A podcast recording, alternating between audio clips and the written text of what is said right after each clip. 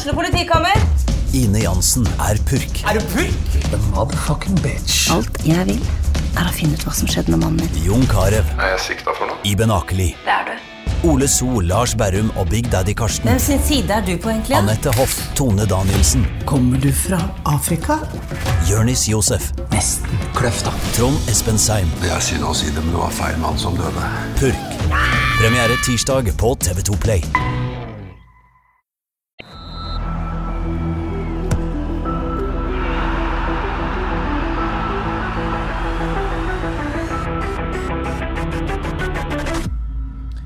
Hei og velkommen til episode 138 av Frelsen. Mitt navn er Terje Flatby. I dag er jeg så heldig å ha fått besøk av mannen som suverent topper adelskalenderen til FKH med syke 369 kamper.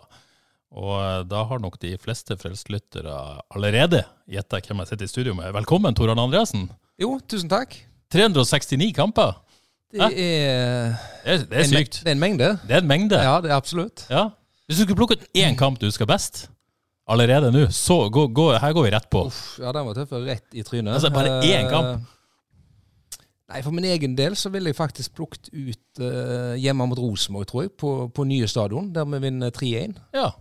Uh, det syns jeg var en uh, kjempekjekk kamp. Hvor- hvor- Hvorfor det? Nei, det har vel litt med at vi vant. Ja. Jeg var ganske god Ja. og skåra mål. Det er viktig. ja, det er absolutt viktig. Det var det jo av og til. Ja, det hendte, men Ja. ikke så ofte. Men Ja. jeg fikk den fireren på børsen som regel, og så hendte jeg fikk en sekser og, og, og smilte hele uka. Så det, Ja, sånn var det. Ja, men Så bra. Uh, utrolig hyggelig at du kunne komme. Og det er Tusen takk for at jeg fikk komme, ikke Ja. minst. Det er lenge siden jeg har sett deg. Ja, ikke sant? Takk det samme. Det, det er veldig veldig kjekt å se deg igjen. Eh, fått bra skjegg og blitt eh, enda mer voksen, vil jeg si. Ja, må vel beholde det skjegget til det begynner å bli litt mer grått. i hvert fall. Det Ja. kommer noen grå hår innimellom. Det Jeg er jo, vi vel jeg har jo masse grått, men du, du har begynt å se det du òg, altså. Ja, Du er en del år eldre enn meg, er du ikke det? Jo, absolutt. Jo. Så du har litt å gå på. Ja, jeg har det. Ja, Så bra. Hva, har du det bra? Ja, absolutt. Ja. Det tutler av gårde, dagene fyker av gårde, og ja, unger og familie er friske. Det er vel det viktigste. Ikke sant? Og i, i dag skal vi jo først og fremst uh, mimre litt, da. Men, men hva folk lurer på Du, du har jo forsvunnet litt liksom fra, fra medias søkelys, og her drar vi deg inn igjen. Hva, hva holder du på med i dag? Nei, nå jobber jeg for North Sea Container Line, eh, et shippingfirma. jobber på salg der. eh, selger hva skal man kalle det, logistikkløsninger for kundene våre. Hvordan de skal få varene sine fra og til ja, primært vestkysten av Norge. Ja. Så det er jo masse aspekter rundt det òg. Så det har jo vært utfordrende nå i både pandemi og, og krigen i Ukraina, ikke minst. Så jeg får håpe det roer seg litt, for det har vært eh, mye jobb siste året. Ja, men du trives, eh, du trives når det koker litt, vel? Ja, absolutt. Jeg sa vel egentlig tidlig at jeg aldri skulle få meg en kontorjobb. Ja, ikke sant? Og nå sitter jeg med kontorjobb. Ja. Men eh, hadde det vært stille og rolig og bare sittet der på Facebook eller VG, så hadde jeg ikke orka i lengden, tror jeg. Så det, det er viktig at det er litt fart og tempo. Ja, så først ha en kontorjobb, så er det i hvert fall litt action da, på det. Ja, absolutt. travelt, og det er. Så er det aldri noe Det er liksom aldri det samme hver eneste dag. Så det, du lærer noe nytt hele tida. Så det er spennende.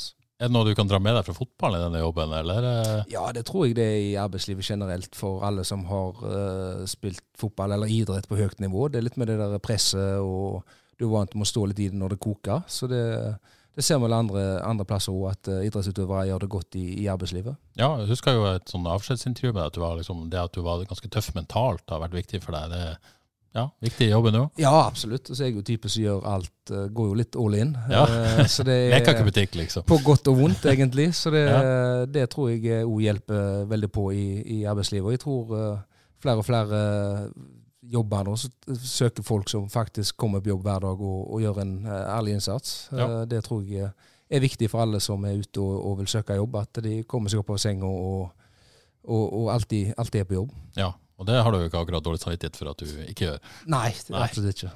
Eller, kan det bli for mye noen ganger? Eller? Det kan bli for mye litt for ofte, rett og slett. Så av og til så har jeg hjemme som sier at nå må du eh, logge av, nå er det nok. Ja. Og så må du rett og slett hvile litt for, for å samle tankene og, og få litt overskudd igjen. ja. Hører du på da, eller?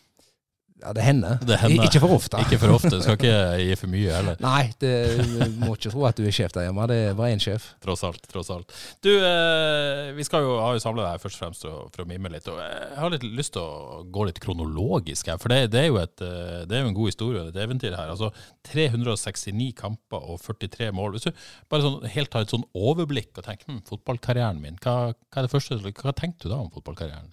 Det, det du var igjennom?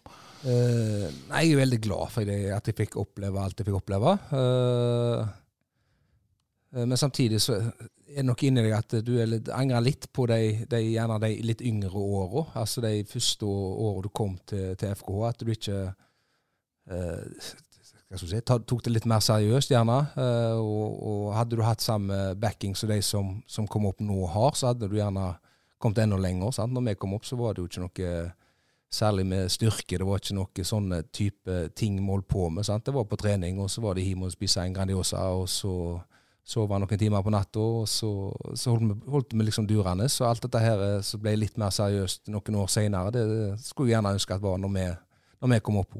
Men Det er vel ikke bare å angre på det, men det er, liksom, det er noe med apparatet rundt. Det var jo liksom ting dere ikke visste eller hadde kunnskap Neida. om, eller ble fulgt opp på, vil jeg tro, Nei, absolutt. på den Og så kom jeg jo på en måte inn i FKH rett etter den økonomiske nedgangen de hadde tidlig på 2000-tallet òg. Så det var jo ikke, det var ikke sånn kjempeopplegg. Vi trente på ettermiddagene på, på Kolnes. Og det var ikke sånn uh, kjempeopplegg sant? før vi begynte å bygge, bygge klubben på nytt. Men Var det noen da liksom som faktisk levde som toppidrettsutøvere og tok det så seriøst, eller var alle med litt der du var? Nei, det var selvfølgelig noen, eh, sikkert. Men uh, nå var vi jo Det første året mitt i 2003 så var vi jo egentlig en hel haug fra, fra Holgåsen, fotballgymnaset der. Så en kameratgjeng som eh, var brorparten Jan Kjell Larsen, Kristian Grindheim, Tone Erik Bertelsen, Ja. eh, Jone Samuelsen og den, gjengen, der. der, sant? den gjengen der. Ja. Så var det jo selvfølgelig noen litt eldre med Asle Andersen og Jostein Grindhaug og, og, og den gjengen der så, som hadde vært med på, på litt av hvert. Men det, det var jo en litt sånn forandring i kultur i, i fotballmiljøet. Eh,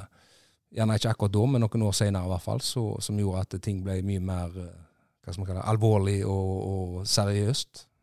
Men nå snakker vi om FK. Hvis vi eh, tar enda et steg tilbake. Du er jo Vard-gutt, sant?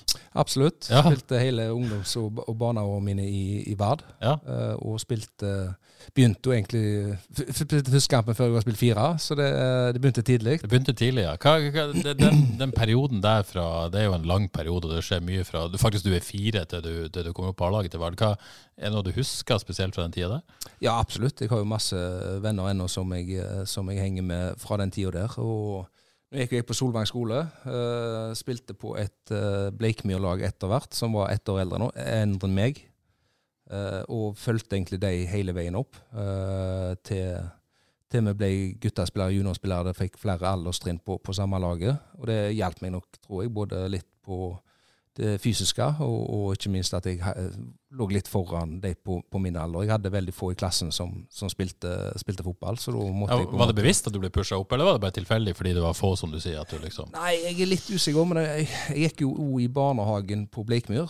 Så jeg, ja. at jeg hadde noen kamerater derfra Ja, som, som jeg fulgte, videre, som jo gjorde at jeg begynte på, på deres fotballag. Så akkurat historien bak hvordan jeg endte på det laget, det er jeg litt usikker på. Men uh, alle kameratene mine ble i hvert fall etter hvert uh, på, på Bleikmyr, og det var der jeg òg hang mye av, av barna og ungdomstida mi. Ja, Cuper og Norway Cup og så videre, altså den vanlige reisen, liksom? Eller? Ja, absolutt. Ja. Vi hadde jo fantastisk opplegg der vi kjørte to fulle busser over fjellet og leide hele Lørenskoghallen og sov på tribuner og garderober og hadde det helt fantastisk i ei uke hvert år i, i Norway Cup. Eh, Så toppa vi det jo som junior og, og vant eh, hele greia, holdt jeg på å si. Det var jo en eh, Ja, du vant, ja. vi vant Norway-cupen ja. som juniorer, og det var jo eh, helt Vi møtte faktisk Bremnes i, eh, i finalen. Vi Ja. hadde Bremnes i gruppa først, og så møtte vi de i finalen og vant 4-1, hvis jeg ikke tar helt feil. Så da var det jo full fest og, og jubel, og fikk fly hjem og hele pakka fra hver, så det var voldsomt opplegg. Ja. Når, når du på en måte spilte med i oppveksten som, som fotballfolk, det var navn liksom som, som ble, ble fotballspillere andre enn deg, eller? Ja, Espen Skogland, som ja, eh, var jo innom FKH. Det flere, skal vi komme tilbake til. Ja, det er flere, flere der som, som var innom eh, rekklaget til FKH, men ikke kom seg noe voldsomt eh, videre. Espen Bull Torne var jo med. Trener i FKH nå. Ja. Eh, kommer jeg sikkert til å glemme noen, men Oi, oi, oi, det eh, litt, sånn, litt sånn farlig å spørre sånne spørsmål Ja, her. Men det, eh, det, det, er, det er lenge siden. ja, det var, på den tida var det litt vanskelig å, å på en måte få tillit i- A-laget til Verd. Ja. Karl Oskar kjørte mye de samme, samme gamle traverne, så det var veldig mange som, som forsvant egentlig når det ble tatt opp Ja. der. fordi det var, det var mye reising. sant? Men Det var juniorspillere, jeg var med A-laget, reiste rundt og satt på benken eh, og fikk ikke spille så mye. Så var vel jeg det ene unntaket som klarte å klamre seg fast på, A-laget etter hvert. Men var du god som, som guttunge, liksom? Ja, Altså, Da tenker jeg sånn veldig god, liksom. Eller god, ja. Veldig god og veldig god. Det Du vet skjøn- jeg du skjønte at, ja, ja, da, du hadde det- noe? Det laget som jeg eh, spilte med hele veien i oppveksten, var veldig bra. Ja. Vi vant alt av kretsmesterskap og, og vant uh, mer eller mindre alle kampene vi spilte. Så, og jeg spilte jo fast der, så jeg, og de var ett år eldre, så ja, jeg var vel god, men jeg var jo ikke sånn outstanding. Ja, du var ikke stjerna på laget, eller var du Nei, det var jeg ikke. Nei, På ingen måter. på ingen måte. Nei, men jeg, jeg tror vi var en fin gjeng som var jevnt over ganske god. eh, som gjorde at vi var et uh, godt lag sammen. Hvor spilte du på banen, liksom, i oppveksten? Nei, Da spilte jeg jo på, på midten. Sentralt på Eh, midten, liksom? Ja, nå husker jeg jo ikke absolutt alt. men så ble jeg tatt opp på A-laget til hver, og der var det litt venstreback og litt defensiv midt. Ja. Så ja, litt Så den overalt. potetbiten begynte ja, litt der? Ja, det gjorde gjerne det. ja, ja. Så ikke bare FK skal få skylda for det. Nei, det var vel der det tok av eh, for alvor med å, å bli potet. Ja, Men så kommer du opp på A-laget til Vard så vidt i 2001-2002, hvis jeg har eh, klart å komme tilbake til den. Ikke bekrefte, ikke så lett å huske Nei, men årstall. det Men, men, du kommer eh, sakte, men sikkert inn, i, inn i A-laget til Vard. Og, eh, for, for eventuelt unge lyttere, da, vet ikke hvor mange vi har av de, men eh, kanskje noen, så, så er det jo ei anna tid da enn det var i dag. Ja, absolutt. Eh, det var jo eh, busser til spillere mot Brann 2 og, og, og Start 2 og, og diverse. sant? Og som, som snakket om litt tidligere, den profesjonaliteten var da ikke på samme måte som nå. Altså, Vi trente jo hardt og vi trente godt og var seriøse når vi var på trening og sånn, men eh, det var ikke noe sånn voldsomt opplegg rundt. sant? Du var på trening, og så var det det du gjorde, og så Men også så var det veldig sånn rivalisering fortsatt mellom FKH og Vard. Altså I dag så har jo på en måte alle, tror jeg i hvert fall, akseptert at, at eh, Vard eh, skal liksom være nummer to-klubben i Haugesund, men, men sånn var det jo ikke da. Nei, absolutt ikke. Og det var jo et eh, voldsomt leven når jeg òg skrev under for FKH. Eh, da var det jo dette her utdanningskompensasjonen som kom fra NFF. Så det ble jo en uh, NISO ringte jo til min far og ville ta saken. eh, der Vard mente de hadde krav på noe utdanningskompensasjon, mens FKH mente eh, det motsatte. Så det ble jo rettssak i månedsvis. Eh, jeg husker jeg var på La Manga med FKH i 2003. og Da var det fremdeles ikke avklart. Ja, du hadde ikke skrevet under kontrakt, for dette var ikke avklart? rett og slett? Du Jo, jeg skrev under kontrakt med... Ja, for du var ute av kontrakt kanskje med, med Vard, eller? Eh, Ja, det var jeg i på La Manga, Ja. men jeg skrev under kontrakt med FKH den 14. november. Eh, og denne her nye regelen den uh, begynte, spilte inn fra den 15. Oh, ja, sånn, ja. Så var det noen uh, aktører som mente at kontraktene måtte være gyldige fra den 15., eller før den 15.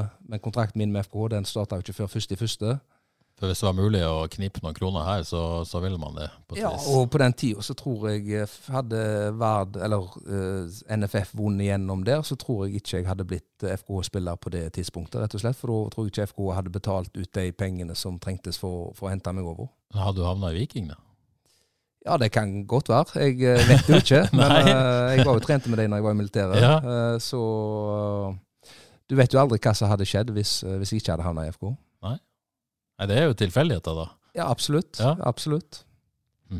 Eh, men, men dette Vard-laget du spilte på, da, før du eh, Det var jo litt av et lag, det òg. Per Morten Sønstadbø, Rune Tuestad, Erik Hornland, Kjelsrud Kjell Sture Jensen, Jarle Wehr, Reidar Dommersnes, for å nevne noen. Det er ikke, det er ikke smågutter. Jarle Steinsland, ikke minst. Ikke minst, ja. ja, ja. Så det var, det var mange gode spillere der òg. Ja.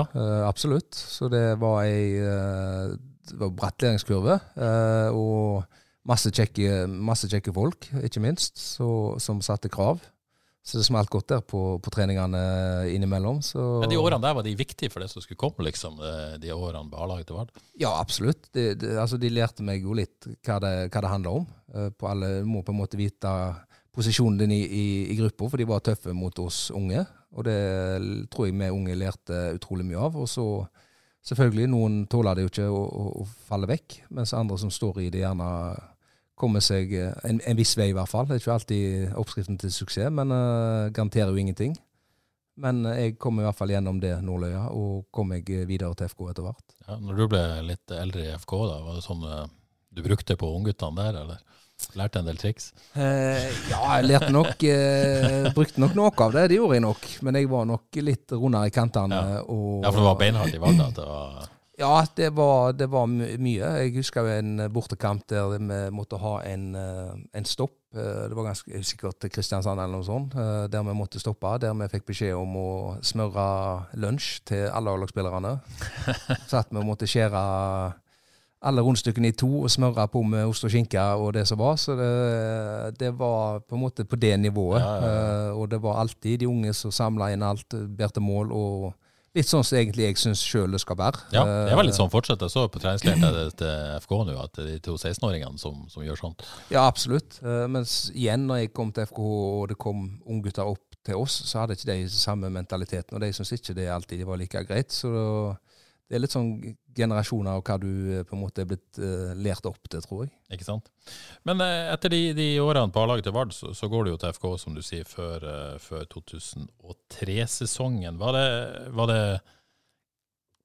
var det vanskelig, det? Vard-gutt, rivalisering, ja, familie Vard hadde ikke, helt sikkert ikke lyst til dette, eller var det, var det enkeltvalg? For, for, det var jo ikke sånn at FK herja på dette tidspunktet. De Nei da. For meg, Jeg fikk jo egentlig tilbud fra FKH året før. Takka nei til det, for da fikk jeg eh, tilbud om en rekkontrakt. Uh, Kjell Inge Bråtveit hadde møte med han på Hasvangbanen sammen med min far. Ja, For han var trener i 2002, vel? Ja, stemmer. Ja. Uh, der han sier at uh, neste år så skal vi ta opp to eller tre unggutter og da skulle, skulle, jeg konkurrere med, med Christian Ørjan Birkeland, Jonas, nei, Jone Samuelsen, Trond Eik Bertelsen, Jan Kjell Larsen.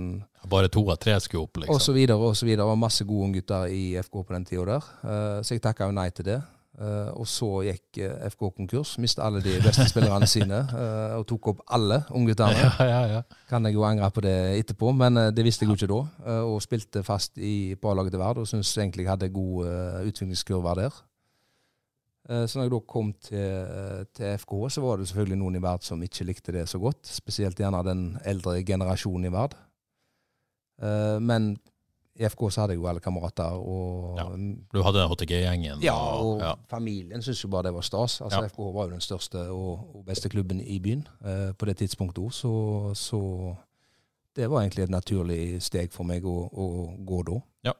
Så kommer du inn til FK. Harald Aabrekk overtar som trener. Var vel sikkert før du uh, signerte og før du kom. altså Det var vel avgjort. Dette husker jo ikke jeg, før min tid. Men, uh, Nei, jeg men, tror han signerte rett før jeg signerte. Ja, ok, Så du visste om, uh, visste om ja. det. spilte ikke de første kampene i 2003-sesongen, så leste jeg meg litt opp her. Så brakk, brakk Asle Andersen nesa, og der var du. Ja, det stemmer. Jeg husker veldig godt den oppkjøringa. Ja. Første treninga kom jeg på i garderoben på Kolnes. Fikk utlevert uh, nummer 11 av uh, nummer gamle, 11, ja, allerede da? gamle Einar, ja. som var uh, materialforvalter på den tida. Ble litt overraska sjøl, og egentlig litt sånn stolt. Og nummer 11 i FKH, det, det var litt kult. Men jeg sprang rundt som en tullbukk. Hang ikke med i det hele tatt, egentlig, gjennom hele oppkjøringen. Og så sleit jeg litt med hamstringene. Uh, sikkert med litt overbelastning og litt mye mer trening enn jeg var vant med. Litt, hard, litt, litt hardere ja, trening, ja. sikkert. Uh, også sånn som du sier, så var jeg ikke i kamptroppen de første kampene. Nei, Var det, var det tempoforskjellen da? Og altså var det det meste? Ja, det var rett og slett det. Og så ja. var jeg litt sånn, var litt av og på på trening det gjennom januar, februar og mars der med, med hamstringene mine og sikkert litt overbelastninger. Uh, så jeg fikk på en måte aldri trent kontinuerlig. Uh, fikk aldri tatt tempo skikkelig. Men så, si, heldigvis, knakk han nesen. så fikk, si jeg, dag, fikk jeg sjansen. Så ja. tok jo den med begge never, ja. og, og, spilte vel egentlig fast uh, siden. Ja, ikke sant? Fordi at uh, det, det var liksom etter det? Det har selvfølgelig kanskje vært noen perioder der du har vært litt på benk, men mest sikkert pga. fysiske For jeg bare sjekka litt statsen og prøvde å mimre litt sjøl. Ja, absolutt. Jeg har sittet litt på benken. Muligens Skarsfjord benka deg litt, jeg vet ikke. Han benka meg eh, litt ja, det året vi var i cupfinalen. Ja, husker jeg. ja. Semifinalen i cupen der var jeg annet på benken. Eh, stor nedtur, men eh, sånn, sånn er det jo. Det må du tåle. Ja. Og så har det vært noen kamper innimellom der trenerne har valgt andre spillere foran meg. og det går jo litt på form, og det går litt på eh, taktikk, og, og selvfølgelig, de har uh, all rett til Men i utgangspunktet fast fra 2003 til 2017. Det Ja, må være lov å si det. Jeg sier i hvert fall det til meg sjøl. Ja, det, det syns jeg du skal fortsette å gjøre, for å si det sånn. Men, uh, men de fleste husker deg jo ja, Det er ikke godt å vite. Jeg husker deg mest som venstre midtbane, liksom. Men det, når du kom brøt igjennom, da, var, var det der du slo igjennom først, først på den plassen der? Jeg spilte jo defensiv eh, midt. eh, Jeg husker, Ja, fra Sandersen. Ja. Ja, jeg husker ikke hvor mange kamper jeg spilte der. eh, Men så, om jeg ikke tar helt feil, så ble Dag Martin Terborvik skada òg. Så jeg spilte høyreback i ganske mange kamper uh, framover der. Og så eh, tror jeg den siste kampen det året, så lurer jeg på om jeg begynte å spille, altså ble plassert som venstrekant. Uh, litt usikker på om det var siste kampen vi spilte mot Hønefoss. Siste, den obligatoriske siste kampen til Frode Gordås. ja, det? Kan det stemme? Det kan godt hende. Eh, så da vant vi 4-1-4-2. Ja. Skogland skåra to. Jeg skåra det siste målet på Frode Godos Nei, gjorde du det, sin ja? karriere. ja det, Kan godt han spilte litt nedover divisjonene etterpå, det vet Men, jeg ikke. eh, Men uh, det er fint. det springer i hvert fall rundt å skryte av. Det synes jeg Og skryte av det vi kan. Ja, det er helt klart. Eh, dere ender jo på sjetteplass i denne debutsesongen, eh, og det- var vel hederlig, vil jeg tro. Eh, Ja, alle hadde vel eh, sagt eh, at vi skulle være en nedrykkskandidat med bare masse unge gutter. Vi hadde Ja. vel en snittalder på tippe rundt 20, kanskje, eller noe sånt. Så det, vi var en ung, eh, ung gjeng. Og jeg regner med, når dere går inn i 2004, da, så, så er jo de yngre blitt ett år eldre. Det er masse U21-landslagsspillere. Det er liksom sannsynligvis en, en go, da. Eh, Forventer man å liksom fortsette framgangen? Var det det som var Husker du tilbake ambisjonene? Ja, absolutt. Jeg tror nok eh, både vi internt og, og klubben og alt eh, hadde en forventning om at vi skulle være med og kjempe eh, oppi der. eh, Med tanke på den gode sesongen vi hadde gjort eh, året før. Eh, Men sånn gikk det jo ikke, så Nei, da for- havna vi jo nede i sumpa. For det gikk jo spektakulært galt, kan man si. Eh, og- På alle mulige måter. På alle mulige måter. Eh, Det, det ender jo med, med nedrykk, rett og slett. Ja, det var på Eh, og, og Vard var jo også kommet opp her og, og rykka ned før dere. Men, men det, det, det ender med nedrykk i siste kamp på Gjemselund. Der jeg var jo faktisk til stede sjøl. Mitt minne fra den kampen er med Kristian Grindheim som sitter der med legendarisk bilde der han sitter med liksom trøya over hodet, og så bare Ja. Det var Ja. grining, og det var Ja, det var tøft, det. Vi Ja. var unge gutter og Ja. hadde slitt hele sesongen, egentlig. Uh, og at vi da tapte med på målforskjell, tror jeg, uh, Ja. rett og slett. Uh, på en historisk høy poengscore. Så det var jo eh, veldig bittert. Så da var det jo mange som begynte å tenke på hva de skulle gjøre, gjøre videre. Eh, Men før vi kommer dit, du sier ma- masse ting gikk galt den sesongen, men hva, hva gikk galt? Nei, det går jo litt på at vi var nok altfor useriøse, vi som var der. Eh, vi hadde det sabla gøy sammen, men Ja, hva legger du i det? Er det for Nei, mye det festing? var, eller? Ja, både festing og sene kvelder med, med kortspilling og, og ja, egentlig litt av alt. Eh, litt for lite på trening, sikkert mange av oss. Og, så det var egentlig en, en god blanding av alt, tror jeg. Og så var jo Aabrik en sabla kjekk eh, og, og, og snille mann. Sant? Han var gjerne litt for snille med oss òg, så han burde jo gjerne satt ned foten og sagt at vi må, vi må opp noen hakk. Eh, og det skjedde dessverre litt for seint. Ja, og det var ingen i, spillergruppa heller som var voksen nok til å på en måte korrigere dette, da. Nei, ikke så jeg husker nå. Eh, nå vet jeg ikke om de eldste altså Nå var vi jo en stor gjeng med unggutter. sant? Eh, nå vet jeg ikke om de eldste helt eh, vet hva vi holdt på med på, på, på kveldstid, og, og hvor Det var ikke så gale heller, men allikevel så var det ikke Det er ikke sånn du skal holde på eh, når, du, når du spiller fotball på det nivået. Så det, dere er på en måte sånn spillergruppe i ettertid, så tar dere en del av skylda sjøl, på et vis. Ja, absolutt. Det er jo vi som skal ut der og prestere. Og er ikke vi gode nok, så, så, så rykker vi under der. Og så eh, jeg så litt eh, Jeg måtte jo friske min egen hukommelse før, før denne praten. 1-5 hjemme mot Vard, altså hjemme. Det må jo ha vært eh, Ja, vi skal snakke om det? Ja, vi må nesten ja, det. Ja. Hvordan var det? Eh, nei, Det sier seg vel nesten sjøl. Og det verste av det er jo at vi leder 1-0 til pause. Ikke sant? Uh, husker jeg uh, Jostein hadde han inn der, og jeg løfta Jostein opp inn i mål der og var sikkert litt oppi trynet på Jarle Steinsland og, og Hornland og gjengen der. Ja. 1-5 rett i kjelleren hos mine foreldre. Satte på en seriemaraton og snakket ikke med noen. Nei. Så, så sånn var jo egentlig På ei uke, det. eller? Ja, noe sånt. Men det så på en måte jeg Om det var kampen før, eller jeg lurer så hadde vi Raufoss borte. Da leda vi 2-0. Eh, eh, spilte fem mann bak, tror jeg. Første kampen min som stopper. Eh, hadde full kontroll, og så klarer vi å rote inn eh, to mål i slutten. Så vi mister jo to poeng der, men da tenkte vi bare at det er jo ikke noe problem. Vi skal jo ha verd neste helg, så da ordner det seg jo. Ikke sant? Og så tar vi egentlig eh, oppskriftsmessig ledelsen 1-0, og så går det jo fullstendig over stokk og stein, og vi taper 5-1. Når du ser tilbake, liksom, er det, er det Det var jo ungt, og det var sånn, men er det en av de kjipeste opplevelsene, eller? Eh, ja, det må jeg nok si det. Eh, men sånn, altså igjen, så vi var unge og var på vei opp og fram hele gjengen. og, og en, Det er jo en veldig læring i det òg, sant. Så det Kanskje det var godt at vi fikk den i trynet. Og egentlig tror jeg det var bra for klubben òg at vi gjerne rykte ned, så vi fikk begynne helt fra scratch og bygge på nytt. Og så, så ser vi jo hvor det har endt til slutt. Ja, og I rettferdighetens navn skal det nevnes at dere faktisk slo de 2-0 på, da på bortebane, Ja, sånn at vi, vi får med det. For, Jo da, men eh, det hjelper ikke på slutt, eh, sluttresultatet det, når vi likevel rykker ned. Så Nei, for det, det var jo en desperat situasjon òg, der dere trengte poeng, begge lag for så vidt. da. absolutt. Så det var jo en viktig kamp. Men, eh, men dere rykka altså ned til andredivisjon.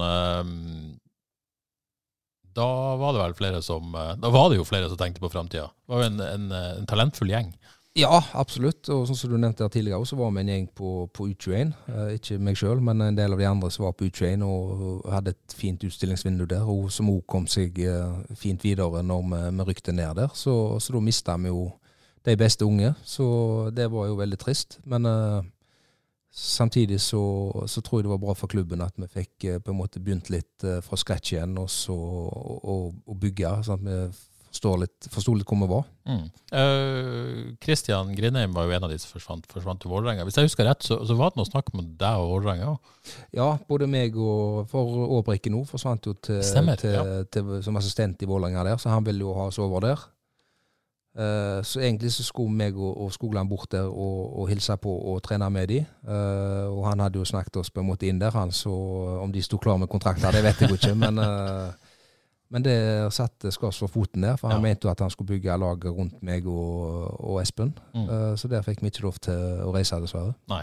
Ja, du sier dessverre. Eller dessverre, ja. På den tida var det litt dessverre, Ja. for da var de i Eliteserien, og vi var nede i sumpa, på en måte. Så det Ja, for det var ikke så lett å ta den. Eliteserielag vil ha deg. eh, Kjetil Rekdal, og de vant jo faktisk da gull i 2005. Er Ja, stemmer. Ja. Eh, nei, det, han var jo litt tøff å svelge den, Mm. men allikevel så hadde du en trener som hadde voldsom tro på, på deg og ville bygge laget rundt, eh, rundt meg og Espen, så, så du, du så det jo litt allikevel, men da kunne de vel heller sendt oss av gårde på en liten treningsleir der, som vi i hvert fall hadde fått smakt litt på det, og Ja. så kunne de sagt at eh, nei, vi vil ikke selge dere. Eh, det er gjerne en litt sånn lurere måte å gjøre det på. Litt mildere kompromissløsning. Ja, absolutt.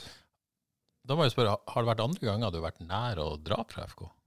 Nei, ikke sånn seriøst så har det ikke vært det. Det har vært det var en, eh, en agent fra eh, Hellas som- var på meg eh, i 2010. Eh, Da var min kone gravid og vi holdt på å bygge hus, og den timingen var jo særdeles dårlig.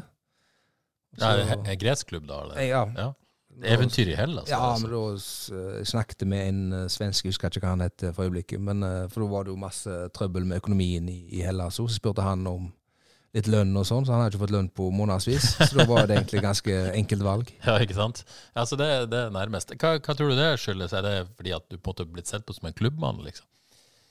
Nei, det er en kunst å være akkurat god nok til å spille fast, men akkurat ikke god nok til å komme deg videre. Det, det er vel der det ligger, tenker jeg. Du har perfeksjonert den kunsten.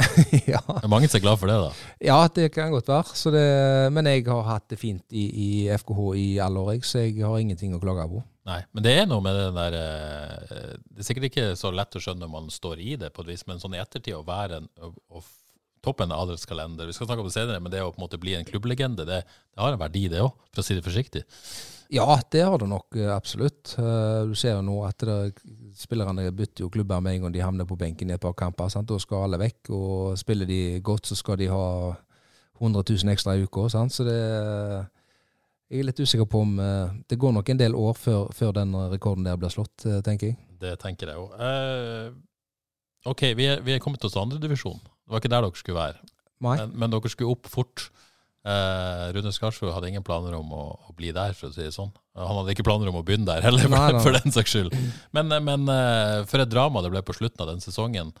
Eh, og du fikk ikke være med på det, på det aller mest dramatiske, men eh, det, det det holdt så vidt. Ja, at det er oppe på Flekkerøy. Det er gjerne noe av det verste jeg har vært med på i hele mitt Ja, For du måtte stå, stå og se på, rett og slett. Ja, eh, vi spilte jo mot Viking 2, eh, som faktisk vant eh, den avdelingen vår. Ja. Med ganske mange poeng òg, om jeg ikke husker helt feil. Eh, Vi får jo straffe på overtid der, på stilling og 2-2 eller 3-3. Ja, mot. Viking 2 i nest siste serierunde. Nest siste, Ja. så skårer vi på straffen, så rykker vi opp. Og så bommer vi der. Eh, Skal vi nevne hvem som bomma òg, eller skal vi bare Nei, la det være? skal vi Vi la lar det være, tenker jeg. Ja, vi lar det så eh, Men han får revansjen sin. Absolutt. Så Ja. mistet jeg litt hodet på litt helt slutten av kampen der, og tofotstakla en vikingspiller for mitt uh, sikkert femte eller sjuende gule kort eller noe sånt for sesongen, og må stå over siste kampen.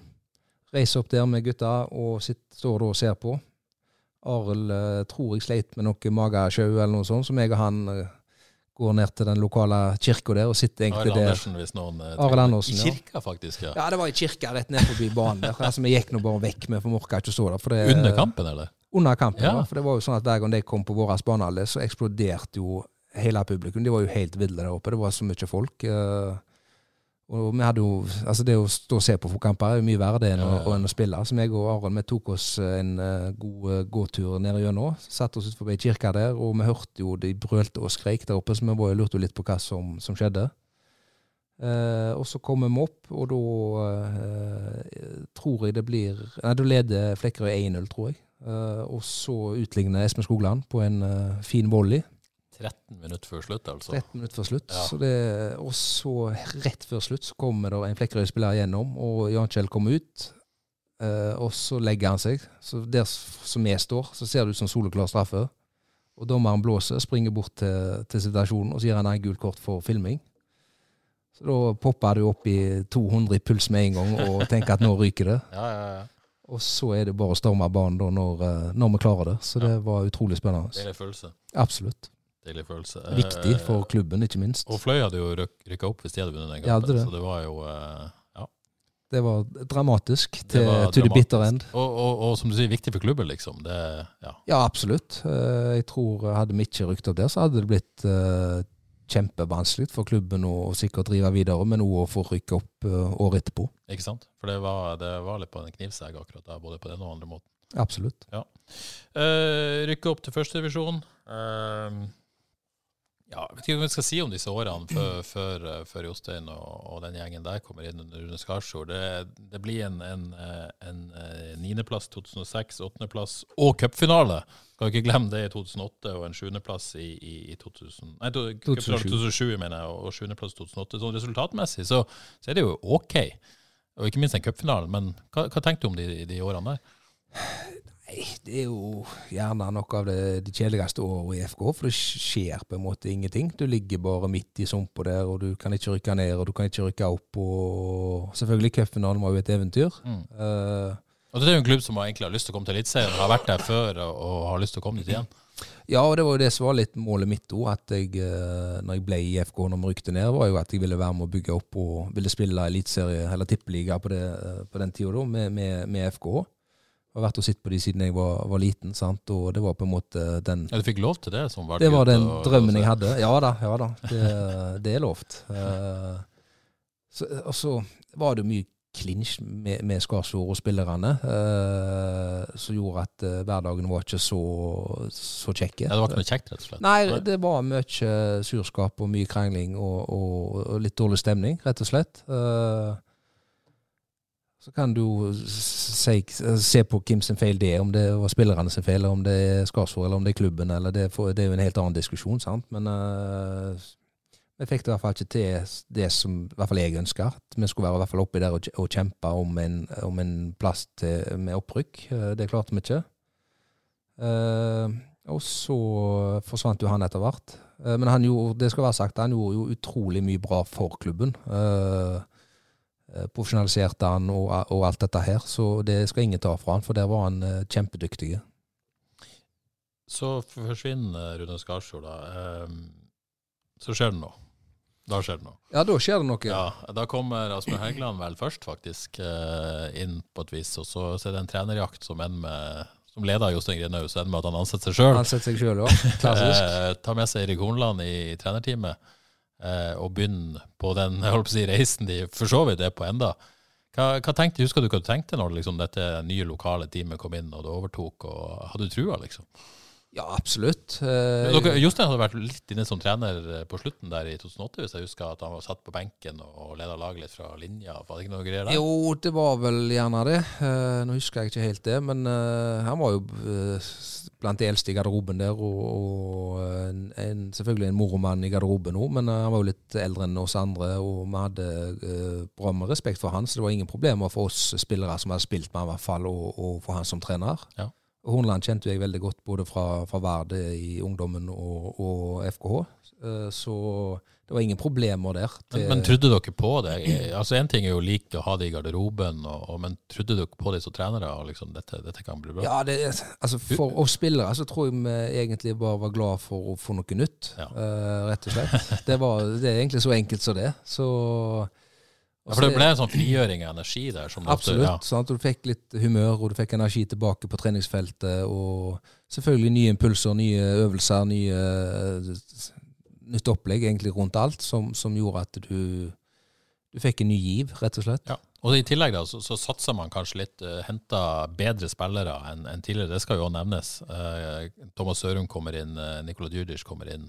Jo da, skal det være sagt at ingen av de to som du nevner der, hadde gjort det noe sånn særlig bra før dette. Helt klart. helt klart. Eh, Men det så- brukes kanskje mer penger enn det har gjort på noen år, da. Ja da, men eh, vi var jo veldig heldige med, med de vi henta. Uh, Sørum, eh, som ikke hadde fått det til i, i Drammen og, og Godset, som kom eh, til Haugesund og bøtte inn mål.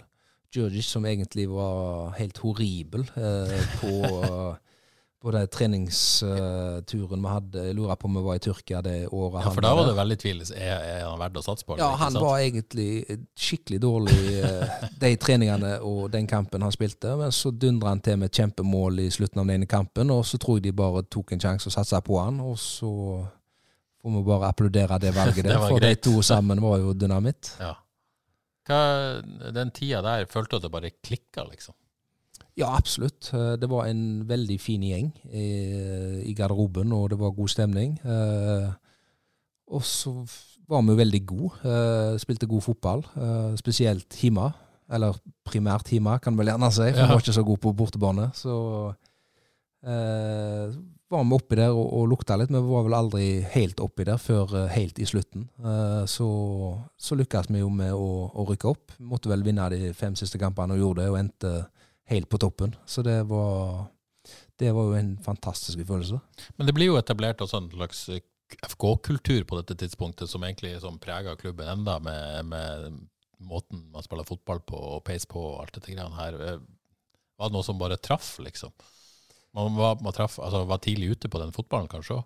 Jo, men altså, du må jo på en måte spille den fotballen så du har spillerne til Theo. Uh, og det tror jeg uh, Jostein traff ganske godt med både Sørum, Georgic, uh, meg og Sørensen spilte vel eh, på høyre der. Og så samtidig så var det to bekker med, med Jokke og var det da Kristoffer begynte å spille, gjerne. Uh, Litt tidlig, kanskje, vel. Som høyre? Chris. Bosniak, var det? Ja, ja, det kan være Men uansett, og så hadde du noen eh, traktorer på midten som bare pløyde helt flatt, så var det, og to stoppere som var gode. Så det, det bare var et sånn giv. sant? Vi var Ja. godt trente, vi løpte over alt og alle, og det var bare fantastisk stemning, ikke minst eh, på, på hjemmekampene òg, som, som gjorde at vi, vi heldigvis klarte å rykke opp det òg. Og du på venstrekanten eller venstre midtbane, eller hva vi skal kalle det, det fant en rolle der, for å si det sånn. Ja, jeg gjorde jo det, eh, og spilte på det som jeg eh, var god på, holdt jeg på å si. Og så lykkes vi jo. Så det, det, det var det pace på, som vi snakker om. Sånn. Godt trente gjenvinning, inn i bakrom. Vi drev jo det andre laget til vanvidd, så de alle hater jo å komme på, på gamla her. Så det, Det er liksom to følelse. ting jeg husker med deg. da. Det er liksom disse løpene inn i boks. Skåra jo en del mål. Jeg vet ikke hvor mange mål du skåra den sesongen. Nei, nei, men du, du var farlig i eh, boksen, da, i hvert fall. Duellspiller. Og så en del stussete Sørum der i lufta. Ja da, det, det er jo Hodespill har jo alltid vært en, en forse. Ja. eh, og, og godt trente. Løper mye. Som, som frigjør rom for, for andre, ikke minst. Så kunne disse her spissene gjerne skinne litt ekstra. De kan skinne litt ekstra. De, de gjorde jo definitivt det. Absolutt. Og, og så, ja, folk kjenner jo historien. Rykka rett opp. Første forsøk vant eh, første Uh, avgjorde vel for så vidt siste serien mot Sarpsborg. Uh, Stemmer. Rykke opp i Eliteserien med FK, var det en, en drøm? Ja, det var jo egentlig det jeg hadde bestemt meg for når vi rykte ned i andre divisjon, at jeg ville være med og, og ikke, ikke jakte noe nytt. Jeg ville være med, for jeg ønska veldig å spille Eliteserien med, med FK.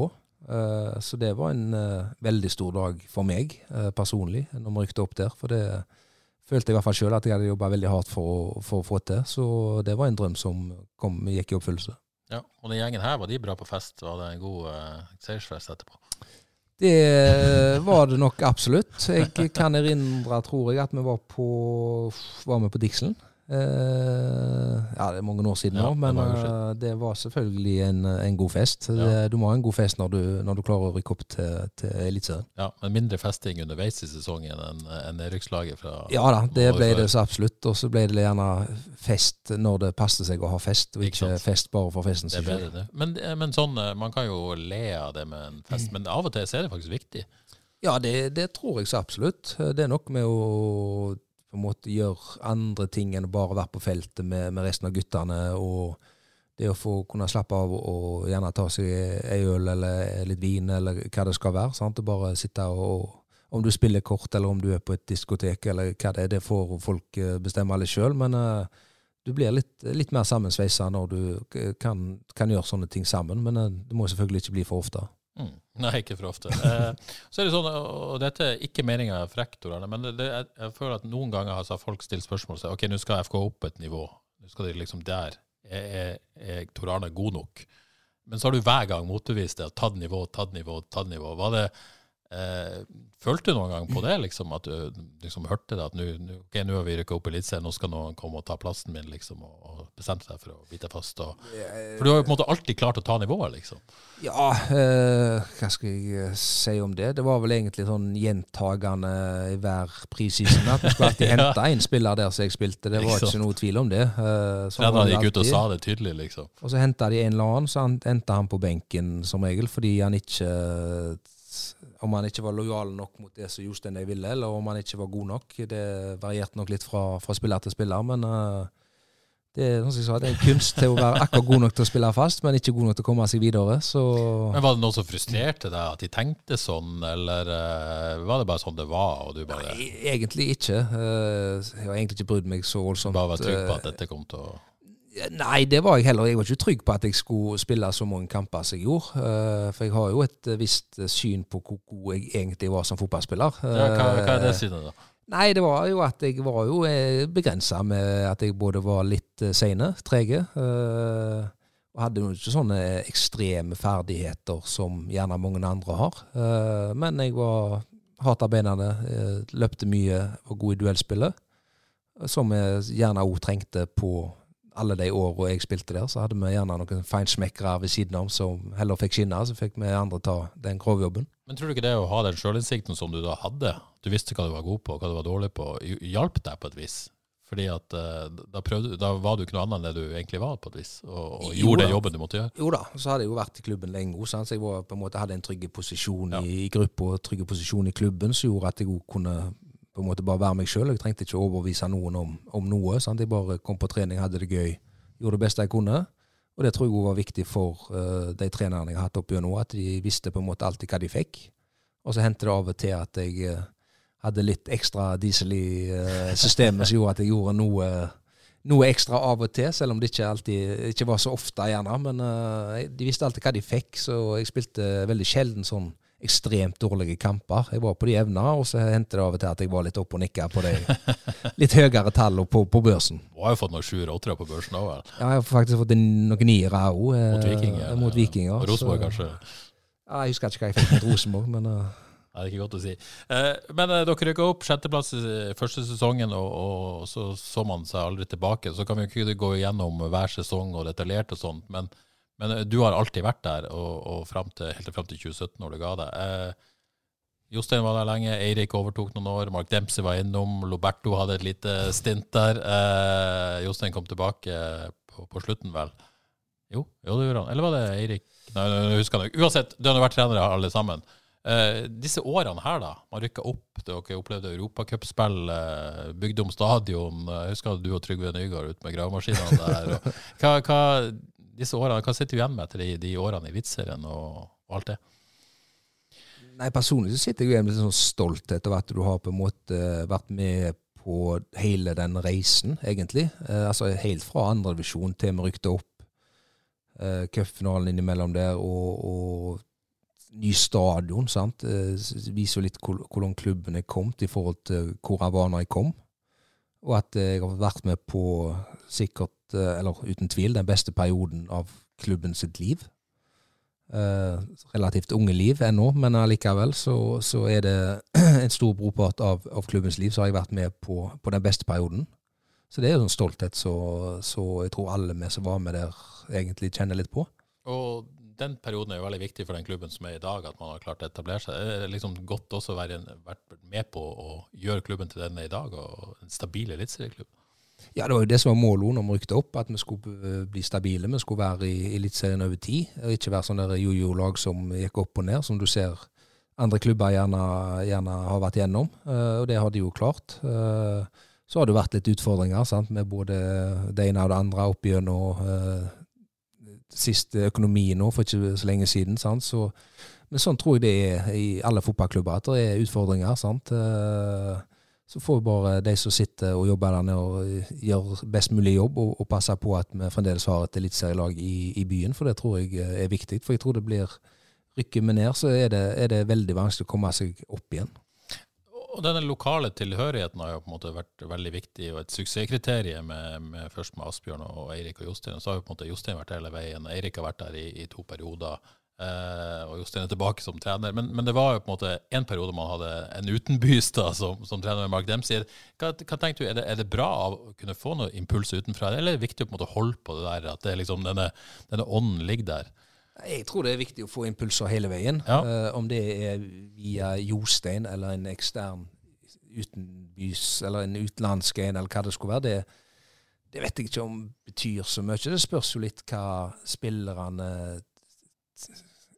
Hvor stor plass treneren tar, da, for, for, for å si det på den måten. Hadde du hatt en trener som, som tar mye plass, og som tærer veldig på, på energi og på på det, på det mentale, så, så må du på en måte bytte ut litt oftere. Eh, men Jostein har vist seg at han han er jo ikke den typen. Han er mer den som gjerne gir energi og, og bygger humør og, og det type. En motivator. Eh, og så er han jo sikkert en Eller han er jo selvfølgelig òg en god fotballmann eh, i, i bunn. Eh, og nå har han fått seg et godt apparat rundt henne med vet ikke hvor mange assistenter han har. To, tre, fire assistenter. så det jeg, men eh, Jostein nå får jo impulser. Sant? Hele det teamet der får jo impulser utenifra. Uh, så, så om det er en lokalmann, selvfølgelig, det er viktig for, for Haugesund som by, men samtidig så, så for å utvikle klubben nå, så, så er du nødt til å få impulser utenifra. Mm. Eh, du nevnte Rosenborg-kampen som det du husker best. Eh, folk flest ville kanskje trodd at du skulle trekke fra den Vikingkampen i, i 2010. Eh, 4-0, to mål, to målgivende. Uh, Jeg hadde vel bare én målgivende, tror jeg. det var bare én mål. Ja, ja. Vi kan si to her. Da. ikke skrytt på meg. Nei, eh, ja eh, Personlig så syns jeg ikke jeg var så god i den kampen Nei. der. Men det, det blir jo litt sånn at når du skårer mål og har målgiverne, så blir du jo Journalistene blir blenda. og- Ja, eh, altså da er du på en måte i, i søkelyset, og du blir dratt fram som det, det og det. Så, altså, sånn er det jo ute i den store verden. og at Det er jo alltid, ikke alltid, men som regel spissene som, som, får de store overskriftene. sant? Eh, Men personlig sjøl så syns jeg ikke utenom de målene, så syns jeg ikke jeg var sånn fantastisk god den kampen. Jeg syns jeg var mye bedre den Rosenborg-kampen. Men du likte å slå Viking, det kan vi være enige om. Ja, ja, det må vi ikke, det er ikke noe tvil om. Altså, det var jo alltid det. Måtte alltid slå, slå Viking. Men etter hvert så, så var det faktisk eh, Brann som, Ja. som kokte mest innvendig, holdt jeg på å si, de siste årene jeg spilte sjøl.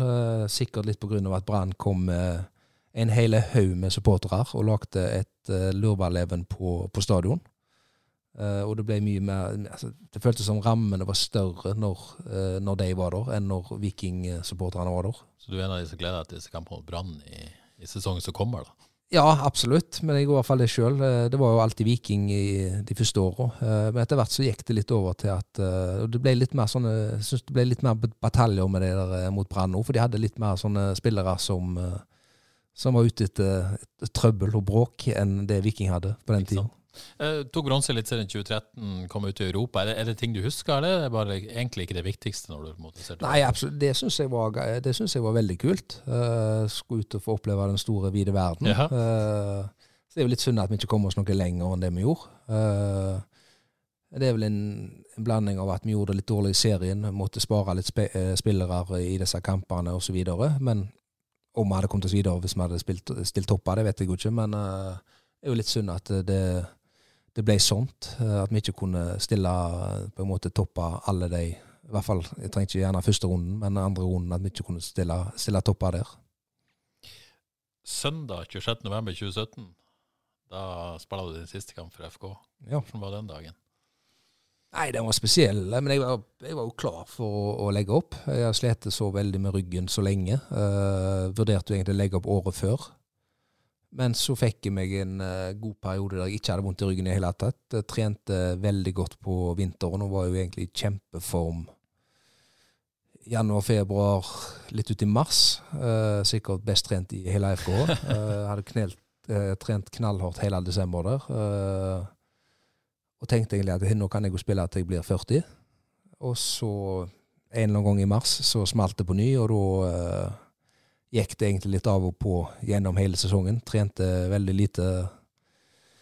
Lå egentlig i midtgangen på både busser og fly og hele veien på bortekamper og tenkte at dette her eh, var bare tull. Jeg lå hjemme på sofaen, kunne ikke gjøre noen ting med verken familie, venner eller Det var bare eh, rot, hele greia, egentlig. Eh, så da var jeg egentlig veldig klar for det. Men selvfølgelig, når dommeren blåste av den kampen, så var det Det var tøft i mange uker, egentlig. Eh, kjente at det var et eller annet som, eh, som mangla, og jeg visste ikke kom tilbake. Så det, da, kjente jeg på det.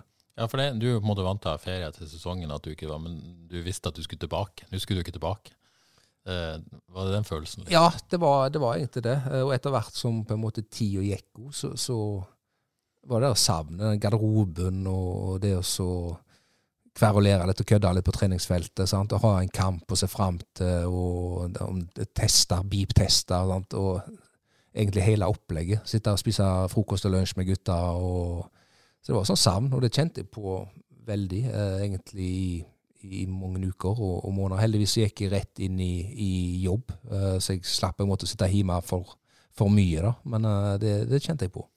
For det er jo mange som, eh, som snakker om, om, om dine prestasjoner på banen, men mimra med en sak her før, før opptak. En, en lagkamerat som, som, som snakka om det når du la opp, og mange tok jo frem dette med garderoben òg. Likte deg garderoben? Ja, absolutt. Det gjør jo mange fotballspillere, men du Ja. var sterk der, for å si det sånn. Ja da, eh, det er jo noe handler jo litt om at jeg hadde vært der lengst av alle, sant? og kjente alle i klubben og hadde på en måte full kontroll. og var gjerne den som folk kom til hvis det, hvis det var et eller annet. Eh, og var veldig trygge. Så, så selvfølgelig, det, det er veldig viktig, det. Det sosiale som skjer i, i garderoben. Og det har jo vært eh, forskjellige mennesker inn i, opp igjennom som gjerne ikke har vært like gode i garderober sant? eh, hos oss òg, i FK. Så, så det er en viktig del av det laget, det som skjer i garderoben. Hvordan er det litt sånn ekstra gøy å kødde litt med de som er litt sånn utilpass i garderoben, eller? Ja, er det litt sånn? det- ja. ikke, ikke slemt, altså, men sånn ja. Nei da, du må jo se folk litt an. Ja. Eh, Jeg vil jo se på meg sjøl som en sånn god menneskekjenner som, som vet hva Ikke alltid vet, men som regel så, så ser jeg litt hva folk uh, tåler og ikke. Var noen var ekstra gøy å kødde med, eller? Ja, eh, absolutt. Eh, Jeg husker jo jeg tok eh, hoppte på Martin Bjørnbakk her eh, Ikke her, for jeg, det er en stund siden nå, men da, og det er jo en stor basse. Så når han fikk nok, da bare brumla han seg løs, og så bare la han meg i ei kringle og klemte meg så jeg trodde jeg skulle dø. Så det Ja, det kunne han hvis han ville. Ja, absolutt. Så det, det er litt sånne ting du, du, du savner da, når du, når du ikke er, blant det lenger. Nei, det, det, og det, det, er ikke noe som man kan erstatte heller. Nei, det er, veldig, nei, det er veldig vanskelig. Uh, selvfølgelig, du sitter på jobb, og så gjerne du får gjennom et prosjekt eller et salg, eller hva det skal være. Sant? Så ja, high five med en kollega, og så er du ferdig, og så er det neste case. Det er ikke det samme. Nei, og Det det, ikke det. adrenalin og løpe ut på stadion òg, det må jo være noe spesielt med publikum. Og skåre et mål og alt det der. Det, det er jo ingenting som kan matche det. Liksom. Nei, absolutt ikke. Og, og ikke minst den følelsen du har når du går i garderoben etterpå vet du har gjort det du kan, og du gjerne står igjen med tre poeng, sant? og har gjort en god kamp, og kjører hjem og setter på TV 2-sporten for å se høydepunkter fra de andre kampene, og har en god følelse i kroppen, sant? så gjerne varer i to-tre dager før du begynner å ha fullt fokus på neste kamp igjen. Så det, det er sånne ting du ikke får andre plasser, tror jeg, enn på en uh, idrettsarena. Fem-seks år siden, eller du la opp fem om fem, er det vel nå. Eh, Savna du det ennå? Tar du deg og tenker tilbake på? Eller er det liksom Eh, ja, både òg. Savner litt selvfølgelig garderobekulturen, eh, men ikke det andre. Fordi at de siste årene var så, så tøffe med tanke på ryggen, og, og det vet jeg jo at eh, det er derfor jeg heller ikke har spilt så mye fotball etterpå. Jeg prøvde meg en liten periode i Torvestad. Jeg var klart å brekke tommelen der, og så tenkte jeg at dette her er jo bare tull. Hvorfor gidder jeg dette her? Og spilte ikke mer fotball etter det. Nei. Og det, det har du faktisk ikke gjort heller? Det har jeg hatt noen sånne med familie og venner. Ja. eh, Veldig få, egentlig. Eh, Jeg vet òg at jeg får vondt i ryggen ennå hvis jeg gjør, spiller fotball. Ja. Eh, Så jeg har holdt meg egentlig vekk og gjør heller andre ting. Siste kamp mot Kristiansund, du avslutta så spiss. Selvfølgelig. Det, var det passende på et vis? For poteten, eh, Tori? Ja, Det som passer passende, er jo egentlig inngangen. Egentlig den uka så, så, så ble jeg jo drilla som midtstopper hele uka. Ja, ja. Eh, Og så kom lagopptaket, så spilte jeg spiss. Så det sier jo litt om eh, karrieren, egentlig. At Ja. det går fra midtstopper til spiss på tre-fire dager i løpet av uka der. Så, men det, det, var, det var gøy, det. Spilte med broren til Kristian Gitjar, Ja. Fredrik Gitjar. Ja. Uh, litt kjedelig at vi ikke klarte å vinne, da, selvfølgelig. Eh, Men vi var nede i en eh, dårlig periode der. Tapte vel åtte på rad, tror jeg, det året, eller noe sånt. Men, men det, det sier noe om karrieren, men det sier vel noe om deg som type, at trenerne stolte på deg. Eh, det var vel Horneland som var trener, at liksom, du kunne gjøre en jobb nesten uansett hvor du ble satt, og det visste de. Ja, og det, det som du sa tidligere, og sikkert derfor jeg har spilt så mye kamper, for de visste på en måte hva de fikk eh, hele tida, uansett hvor de plasserte meg. Så, så var det ikke noen sånn store overraskelser. Men tror du det har vært hemmende? Altså, man snakker jo om det potet, ok, det er bra det, men, men av og til kan man bli bedre hvis man bare får dyrka en posisjon. Ja, det kan du gjerne si, men uh, samtidig så spilte jeg jo lenge venstrekant. Altså, spilte jo mange år venstrekant, der jeg hadde noen få kamper andre plasser, men uh, kanskje, kanskje ikke. Det er vanskelig å si. Ja.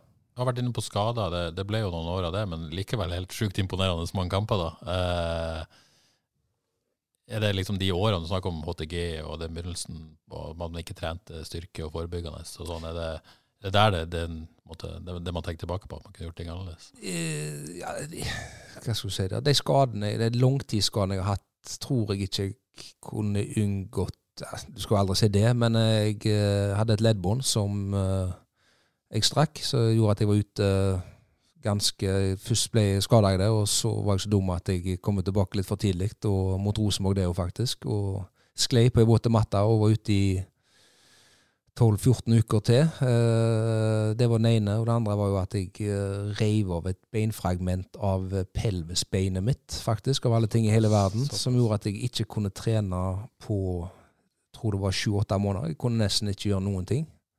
Jeg kunne sykle på en ergometersykkel uten, uh, uten motstand. Jeg kunne ikke trene mage, ikke trene rygg, ikke trene bein. Da blir det litt begrensa hva du Du kan ikke bare pumpe kasse og, og biceps heller. Så det, Veldig begrensa hva du får gjort da.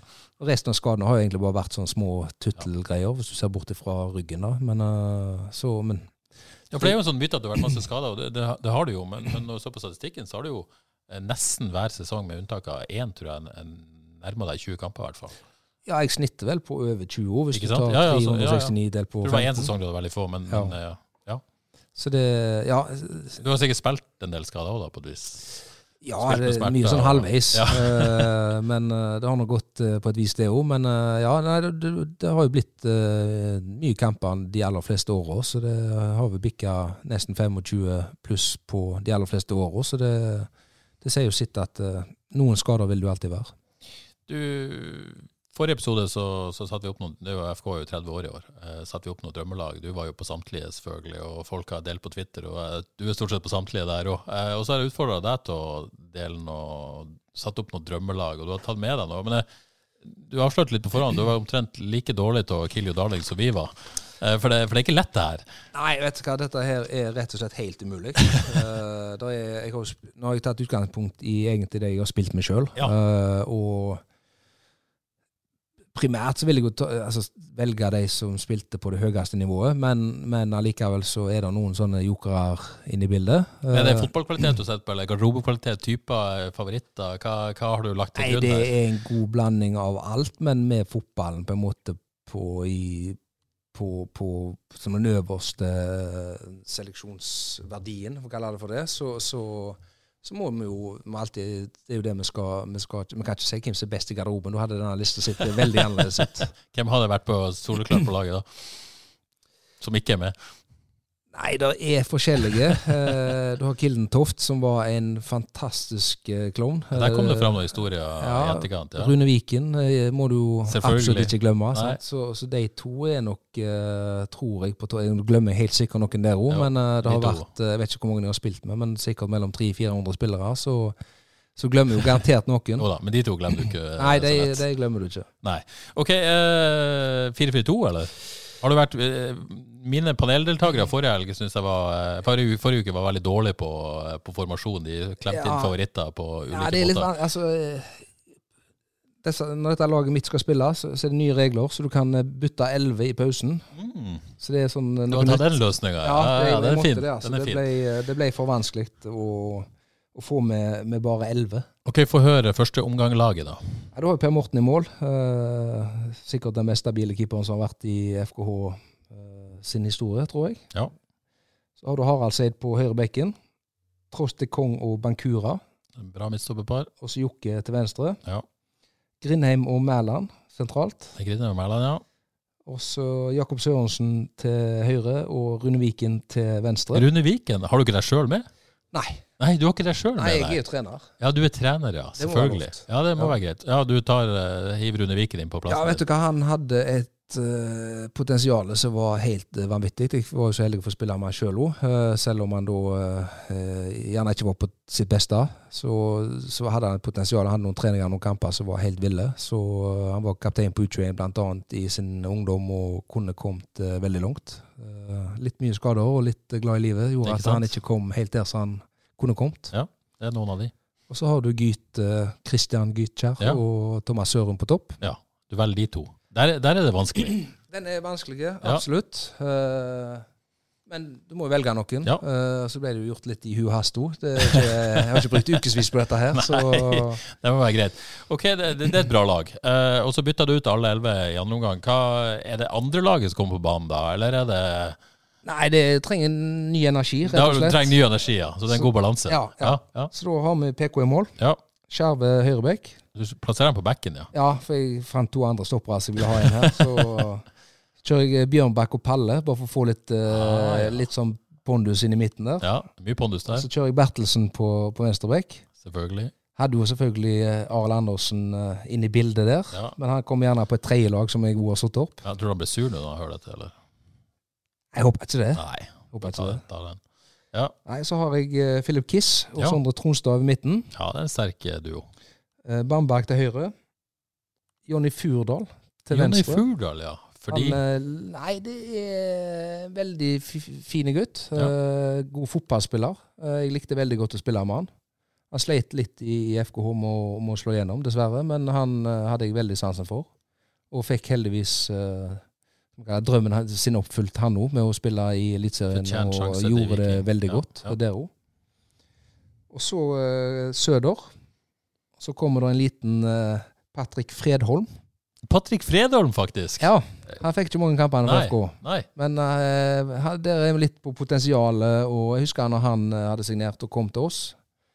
Og han var det helt umulig å ta ut på trening. Han var altså så enormt eksplosiv, rask, høy, god i luft. Så han var kjempegod. Det var bare synd at han uh, bare så i trapp, så fikk han strekk. Det Ja, for det skulle du si, det var skada. Dette var Skarsfjord-tida, sant? Eller eh, Jo, det må det ha vært. Ja, hvis ikke det var Ja, det var vel gjerne det. Hvis ikke det var overbrekt, da. Det Ja, husker jeg ikke. Ja, den tiden, i hvert fall. Eh, Men uh, han har jo den fine historien at han uh, var med Vi skulle spille borte i Bergen, en en bortekamp. Hvem vi skulle spille mot, det husker jeg ikke akkurat nå, men han eh, skulle da ned til, til lunsj. Klarte å få strekk i trappa. Kunne ikke spille den kampen. Så han var jo litt på det nivået. Ja, på det nivået. Så det er jo litt, uh, litt kjedelig for han. Uh, og jeg kunne sikkert tatt med Ja, Noen vil jo savne. Nikola Djurdic her. eh, Finner ikke plass til han verken på første eller andre laget. Nei. Nei. nei. Er det den der eh, treningsleiren i Tyrkia der før, eh, som er bare førsteinntrykk altså. som henger igjen? Ja, nei, han var, han var god, han altså. Men uh, han var selvfølgelig oppe til, oppe til vurdering, han Ja, Uh, men jeg hadde fire jeg måtte plukke, og Sånn da er velger jeg fire. Og da, altså, potensialet hos Espen Skogland nå, uh, hadde han fått ut sitt eh, fulle potensial, som gjerne er den beste avslutteren av alle disse som er nevnt her, så, eller var. Det målet i Flekkerøy burde nesten skutt over Ja, på laget. han var like god med begge beina og, og, og en fantastisk avslutter. Så det, han òg kunne kommet eh, langt, hadde han fått eh, litt mer sjanser. Men du gir deg ikke her, du har mer. Hva, hva har du nå? Nei, En sånn liten vintage eh, Når jeg var liten og var på Ah, stadion og ja. så, ja, så er kamper. Uh, der kjører jo Tor Åge Larsen. Ja. Uh, den dansen han sitter han skårer Men uh, På høyreback, ja. Men hvem har du i mål? i mål. Haftorsen. Ja, selvfølgelig. Haftorsen. Ja. Larsen, ja. Den der dansen hans, vet ikke om du husker den? Nei, nei, Eh, dette var før min tid. Odd Kåre hadde Tor Åge Larsen på Ja, drømmelaget sitt. det er eh, god stemning. Ja. Eh, En faktor, faktisk. Rett og slett. Tomo Næss og Sama. Ja. Brassesparket han hadde baki der, det var når jeg var liten, så husker jeg bare at det syns jeg var enormt eh, kjekt å sitte og se på. ja, ja. ja. Og så har du, kjører jeg Arild Andersen inn der, da. Der Selv om han, jeg ja. spilte med han sjøl, så, Ja. så var han blant eh, den gjengen der. Det må være en grei løsning. Så må du alltid ha Sjur Jarle med. Ja. Eh, eh, Trygve Nygaard er med. Også Jacobsen sentralt. Og så må jeg ha Rakett-Olsen eh, på andre sida. Og så Asbjørn må selvfølgelig få, få plass. Ja. Og så må du ha Garbasjov. Du må ha Garbasjov. Må ha Garbasjov, rett og slett. Dette er et sånn mimrelag fra, fra din oppvekst, på et vis. Ja, det er det. det er det. Hvor viktig var det for deg å gå på stadion og se den gjengen der?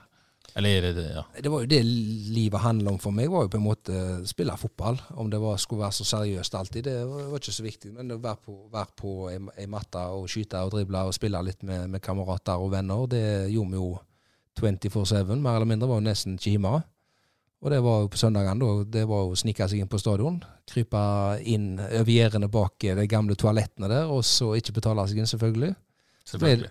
Så ble du tatt et par ganger og Ja, ja, kasta ut. Ja. Da kom du alltid inn igjen. Altså, det, er ikke satt på ei liste og band for, forever, liksom? Nei, nei. Nei. Så jeg husker jo det når uh, Mini og Rosenborg var på besøk. Sant? Du fikk autografene til disse gutta. Så det, var, det var store, store øyeblikk for, for oss uh, fotballinteresserte. Så ender du da som, som den legenden du tross alt er, med, med 369 kamper topp av adelskalenderen. Eh, Var det noe du på en måte drømte om da, eller? Du skulle spille i Eliteserien for dette laget, det var det? Ja, nei, drømmen vanskelig å drømme om sånt. ja, drømmen var jo egentlig bare at jeg skulle spille for FK. Uh, noe mer enn det hadde jeg på en måte aldri verken tenkt på eller satt meg som mål. Så Men, men eh, eh, klubben slutta å oppdatere denne adelskalenderen på et tidspunkt, og så har jo FK-supportere heldigvis tatt tak i det og laga en FK-historikk. Du ble litt opprørt over klubben ikke ville gjøre det, men, men hvor viktig er er denne adelskalenderen for deg? Er det, det, det, det må jo bety noe?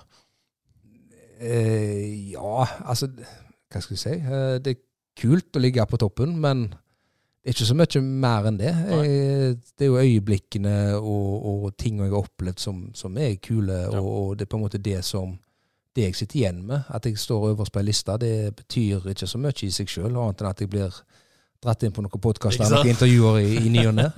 Men uh, altså, eh, den spilleren i dagens tropp som er nærmest deg, er faktisk Bruno Leite. Med, med 132 kamper. Det, det er ikke noe som tyder på at du mista denne med det første. da. Nei, det tror jeg nok ikke. Han kommer nok ikke til å spille så mye kamper Nei. at han tar meg igjen. Eh, Så kan det være at det kommer opp en unggutt etter hvert som, som lærer seg kunsten til å være akkurat god nok, men ikke god nok til å komme seg videre. Men, men det er ikke så mange i dagens fotball som, eh, som, eh, som har sånne karrierer som du har hatt. Nei, og jeg tror bare det blir eh, mindre og mindre. Eh, Det er såpass resultatorientert, og det er så mye penger på spill, og det er så mye kynisme at jeg tror både klubber og spillere nå eh, bytter beiter så fort de kan, hvis de må. Hvis ikke de får spille, hvis ikke de får den lønna de vil ha, osv. Så, så det er jo litt trist. Men, men sånn er det blitt. Penger styrer litt for mye, dessverre. Dessverre. Dessverre. Du ga deg, og så forsvant du liksom litt ut fra FKH-bildet, i hvert fall. Hvilket forhold har du til FK i dag? Eh, nei, hva skal jeg si, ingenting egentlig. Jeg har ikke hatt noe særlig kontakt med FKH etter jeg la opp. Så går på hjemmekamper når det Ja. passer, holdt jeg på å si. Og det var nok noen år der jeg ikke gjorde det heller. Litt for å få det på avstand, selvfølgelig. Ja, det er sånn Eh, bevisst for å få det litt ja, eh, litt lei av å på en måte Når du er C-kjendis, D-kjendis, kan jeg kalle det for det, ja. så blir det mye sånn tompreik om eh, fotball og ting som og Gjerne når jeg har med meg uh, ungene mine, og sånn, så er jeg ikke så interessert i det. Så jeg har holdt bevisst litt avstand for å få det litt vekk. Eh, men så har jeg selvfølgelig tatt det opp igjen nå siste, siste året, Ja. og, og går på kamper selvfølgelig når det passer. Det er jo ikke alltid det passer, men uh, prøver å få det til. Men dette at du ikke har noe på en måte, kontakt og inngang, er det, er det på en måte savn? Er det noe som du tenker på at det burde vært der, som ikke er der, eller? Ja, jeg tenkte vel gjerne litt mer på det tidligere. Uh, hadde vel en viss idé om at jeg gjerne skulle jobbe i FKH når jeg la opp, noe som ikke skjedde. Uh, Ja, da som trener tenkte du da på Nei, det- hva stilling og rolle det skulle være. Det, Du har lyst til å være der, liksom? Ja, Ja. Uh, men så skjedde jo ikke det, og så går jo livet videre. Uh, klubben går videre. Jeg får meg jobb og, og gjør andre ting. og så har du en familie hjemme, så, på en måte Ting går seg til, og, og livet går sin gang. Men er det noen skuffelse at FK ikke har gjort mer for å knytte deg til det og bruke det?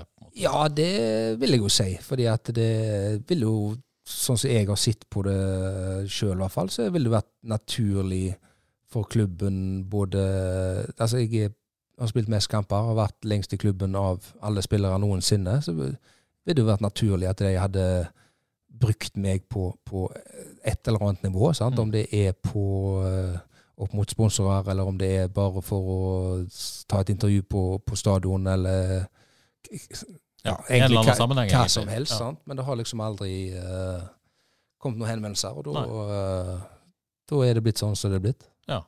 Litt rart, kanskje. Ja, jeg syns jo det, Ja. eh, absolutt. Men uh, det må jo klubben velge sjøl, hvordan de vil bruke oss gamle spillere. Så det, det er ikke så mye jeg får gjort med det, annet enn å leve mitt liv, og så får, eh, får vi nå se om det ikke kommer noe etter hvert. Om, eh, Ja, når du har sagt dette, så får vi se hva som skjer. Ja, eh, men jeg tenker jo at for klubbens del, og for våres del, spillere, lokale spillere som har spilt såpass mange kamper, så er det på en måte rett og rimelig at de gjerne, gjerne samler oss og har noen samlinger, altså et eller annet. Mm. Men det har liksom vært helt, helt stille. Helt stille. Du ble Torvastad-trener etter at du la opp. Ja. Uh, I ett år førte de rett opp, vant 20 av 21 kamper, og så, og så ga du deg med det. Uh, Ja. var, det gøy, var det gøy å, å prøve det? Ja, absolutt. Jeg har jo en far som har vært trener i alle år, og jeg har jo vært med han rundt omkring på alle krinker og kroker på Haugalandet. Og på en måte er vokst opp eh, med, med det, og det var vel en naturlig del. Altså, jeg hadde ikke noe drøm om å bli noen trener, men jeg eh, kjente litt på det. var mange, mange av de lokale klubbene tok kontakt når jeg la opp. Så har jeg en eh, god kompis i Vidar Bendiksen som, som eh, har tilknytning til, til Torvestad, som jeg og han satt og diskuterte en kveld og fant ut at dette kan vi jo gjøre sammen. Eh, så gjorde vi det. Jeg har litt den samme eh, filosofien, og han eh, var i Verd eh, i mange år, han òg, så den 4-3-3 Det der ble der, det ble ikke 4-4-2 og Nei da. Nei. Eh, og så var vel ideen om at jeg gjerne skulle spille litt mer enn det jeg gjorde. Eh, men det å, å være spillende trener er ikke så lett, fant jeg ut. Uh, du får ikke helt det der overblikket, og du får ikke gitt de gode instruksjonene som du får fra sidelinja. Så da fant vi vel ut òg at skal vi på en måte få Torvstad og Vidar òg, så må vi, kan vi ikke bygge på at jeg og Vidar skal spille alle kampene. Da er det bedre at vi, vi får en andre som, som kan gjøre det. Og fikk opp både litt et, eh, ny treningshverdag for de der ute, tror jeg. Eh, litt mer seriøst enn det de var vant med fra før. Så vi var jo, vil jeg tro, det desidert best trente laget i, i den divisjonen, den avdelingen. Eh, og som du sier, vant eh, 21 av 22 kamper der og kom til finalen i vintercupen og, og litt sånn forskjellige ting som, som var veldig gøy å, å være med på. Var det gøy? Altså, det var gøy, men så ga du det? Ja, det, det er jo tidkrevende. Eh, du skal forberede treninger. Det er litt logistikk med spillere som uh, selvfølgelig er på jobb sant, og har familier. og altså, I utgangspunktet så er du 20, og så når treningen begynner, så står det 12 mann der. Og så nei, så regner det litt, så gidder ikke han, og så måtte han jobbe overtid, og så Sånn er det i, var det i femte divisjon? Sånn er det, eh, og det må vi jo ha eh, full forståelse for, selvfølgelig. Men eh, jeg kom fra et litt høyere nivå, så var det litt sånn kultursjokk at det var sånn løs holdning på det å komme på trening eller ikke. Men, men vi klarte på en måte å endre det, og vi hadde veldig godt oppmøte egentlig gjennom hele året. Eh, og så gjorde vi vel gjerne litt feil, meg og, meg og Vidar. Vi henta gjerne litt for rutinerte spillere. Så når vi først rykka opp på, så, så begynte vi å, å høre litt rundt hva guttene ønska neste år. Sant? Og da blir det Stavanger-turer og gjerne fredagskamper. Og, og da var det ikke så mange av de som vi hadde, hadde dratt med oss, som var interessert i det. Og da endte det dessverre med at uh, Torvestad trakk uh, laget sitt. Ja. Fotballmiljøet i dag, er det gjennom ungene eller er det der du Det er gjennom ungene, Ja. og, og selvfølgelig eh, har vi en kameratgjeng som uh, henger jo fremdeles med de samme som vi gikk på, på fotballgymnaset med. Ja, hvem er, du, hvem er det som må nevne navn? Nei, Kristian Grindheim Ja. og, og, og, Espen Skogland og Eirik Klinge og hele den gjengen som på en måte eh, jeg spilte med Alle er jo flytta opp i Skårdalen. Ikke sant? Uh, Så det er å ta kloggene på seg og gå over gata og Ja, se en uh, Premier League-kamp eller en Champions League-kamp eller hva det skal være. Så det, Det er fint. det er liksom den samme gjengen som gikk på, på skole med, som, som henger sammen ennå. Det er jo, er jo ganske kult at vi, Ja. at vi holder, holder i hop ennå, med en ganske stor gjeng der som har litt sånne ting som vi gjør i løpet av et år. og det setter jeg utrolig stor pris på, at, Ja. vi, at vi faktisk har klart å holde det vennskapet over så lang tid. Unger i Vard? Eller? Unge, en, en gutt i verd. En gutt i verd, En ja. gutt, Jeg har en eh, yngre en som ikke kan fordra fotball. Ja, ja, ikke sant? En, Eh, Rett og slett. Ja, ja. Det må jo være lov. Ja, absolutt. Han må finne sin, eh, sine ting og, og, og sine interesser sjøl. Jeg skal ikke tvinge han eller presse han til noen ting. Vi prøvde å småpresse han litt på den, for han spilte fotball sjøl òg. og var like rasende hver gang han måtte på trening og hver gang han skulle ha kamp. Og, Ja. Så har jeg sagt til han at han får velge helt sjøl hva han vil. Jeg skal ikke presse han noen ting. Eh, og, men han er eldste, og han er jo megainteressert i å, å trene seg jo halvt i hjel for å bli en god fotballspiller.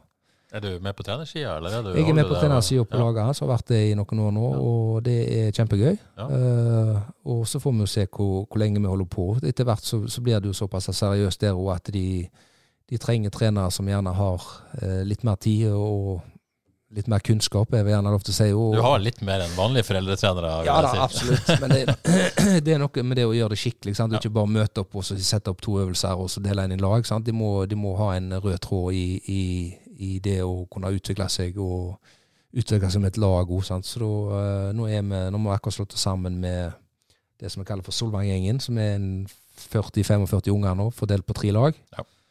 Så det er mye unger å holde styr på, men eh, det er kjekke gutter og, og en, en fin gjeng. Så det, det kan bli kjempegøy. Det, om det blir ett, to, tre år til, det får vi nå se. Men eh, etter hvert så må det nok eh, komme noen fra, fra klubben som, som tar det videre. Trenerkarrieren til Tor Arne Andreassen, kommer den til å avsluttes da i aldersstudentavdeling til Vard, eller har du på en måte lyst en gang å ta det videre? Nei, Nå har jeg jo bare hatt vinnende lag og bare suksess som trener, så vi må gjerne se oss om etter om ikke vi skal starte litt opp igjen. Ungene blir Eh, store, da plutselig litt mer tid. Ja, ja. ja, du vet aldri. Jeg skal aldri si aldri, men uh, per nå så ser jeg ikke uh, at jeg skal inn på noe sånn trenergreier uh, framover. Men som sagt, du vet aldri hva som skjer. Sant? Plutselig så blir ungene så store at de ikke har behov for uh, verken kjøring eller middagslaging eller, bare- eller noen ting. Så da kribler det litt i både fingre og bein til, til å gjøre noe. Om det blir uh, fotballtrener eller om det blir noe helt annet, det får vi nå bare se på.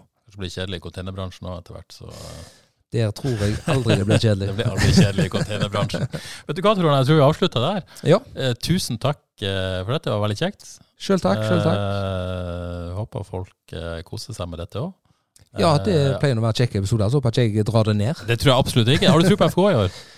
Ja, eh, per nå så syns jeg det ser litt uh, tynt ut, men det gjør det vel som regel på denne tida i FKH. Jeg har aldri sett så lite tynt ut, nesten. Men, Nei, det, men fortsatt litt tynt, kanskje. Det de har henta er vel fra et uh, litt lavere nivå, og så mangler de i hvert fall noen venstrebacker og, og litt sånt. Men eh, de har en egen evne til å, å klore til seg det de trenger, og så får vi håpe at de ikke får samme starten som i fjor. for det Folk mister litt interesse. Det blir mindre folk på, på kampene egentlig gjennom hele året når du setter på en måte standarden så tidlig med å, å tape, tape, tape. Så jeg håper de får en flying start, og at uh, interessen og, og publikum og det bare fylles opp. og Litt på opptur på slutten i fjor, så det er viktig å følge på det i- i starten av De sesongen. hadde en uh, god avslutning, så jeg håper at de, de starter der som de avslutta i fjor, og at uh, det kommer enda flere folk på, på tribunen, og at det blir god stemning. Det satser vi på. Tusen takk, Trond. Sjøl takk. Og det var det vi hadde denne uka, og så er vi tilbake som vanlig om ei uke. Ha det bra.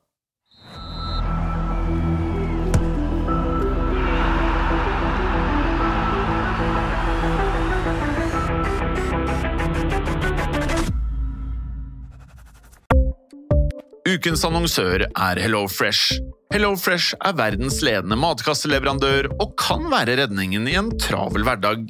Mange av oss har nok vandret i butikken både sultne og uten en plan for middagen, som ender med at vi går for de samme kjedelige rettene gang på gang.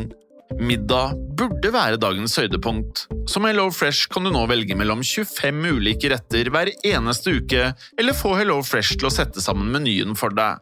Dette gir deg muligheten til å prøve nye og spennende retter alene eller sammen med familien. Du velger antall porsjoner og får alt levert på døren på et tidspunkt som passer for deg. Oppskriftene er enkle, og maten er lett å lage både for store og for små. Ved å få alt levert hjem får du også mer tid til å dele matgleden med familie og venner. Kanskje det frister med asiatiske tacos eller greskinspirert kylling? Da kan jeg anbefale deg om å gå inn på hellofresh.no. Her kan du bruke koden FOTBALL og få opptil 1779 kroner i rabatt på de første fem matkastene hvis du ikke har prøvd HelloFresh tidligere. Du kan også bruke rabatten hvis du har vært kunde og stoppet abonnementet ditt for tolv måneder siden eller lengre. Gå inn på hellofresh.no og bruk koden FOTBALL. Har du et enkeltpersonforetak eller en liten bedrift? Da er du sikkert lei av å høre meg snakke om hvor enkelt det er med kvitteringer og bilag i fiken, så vi eh, gir oss her, vi. Fordi vi liker enkelt. Fiken superenkelt regnskap.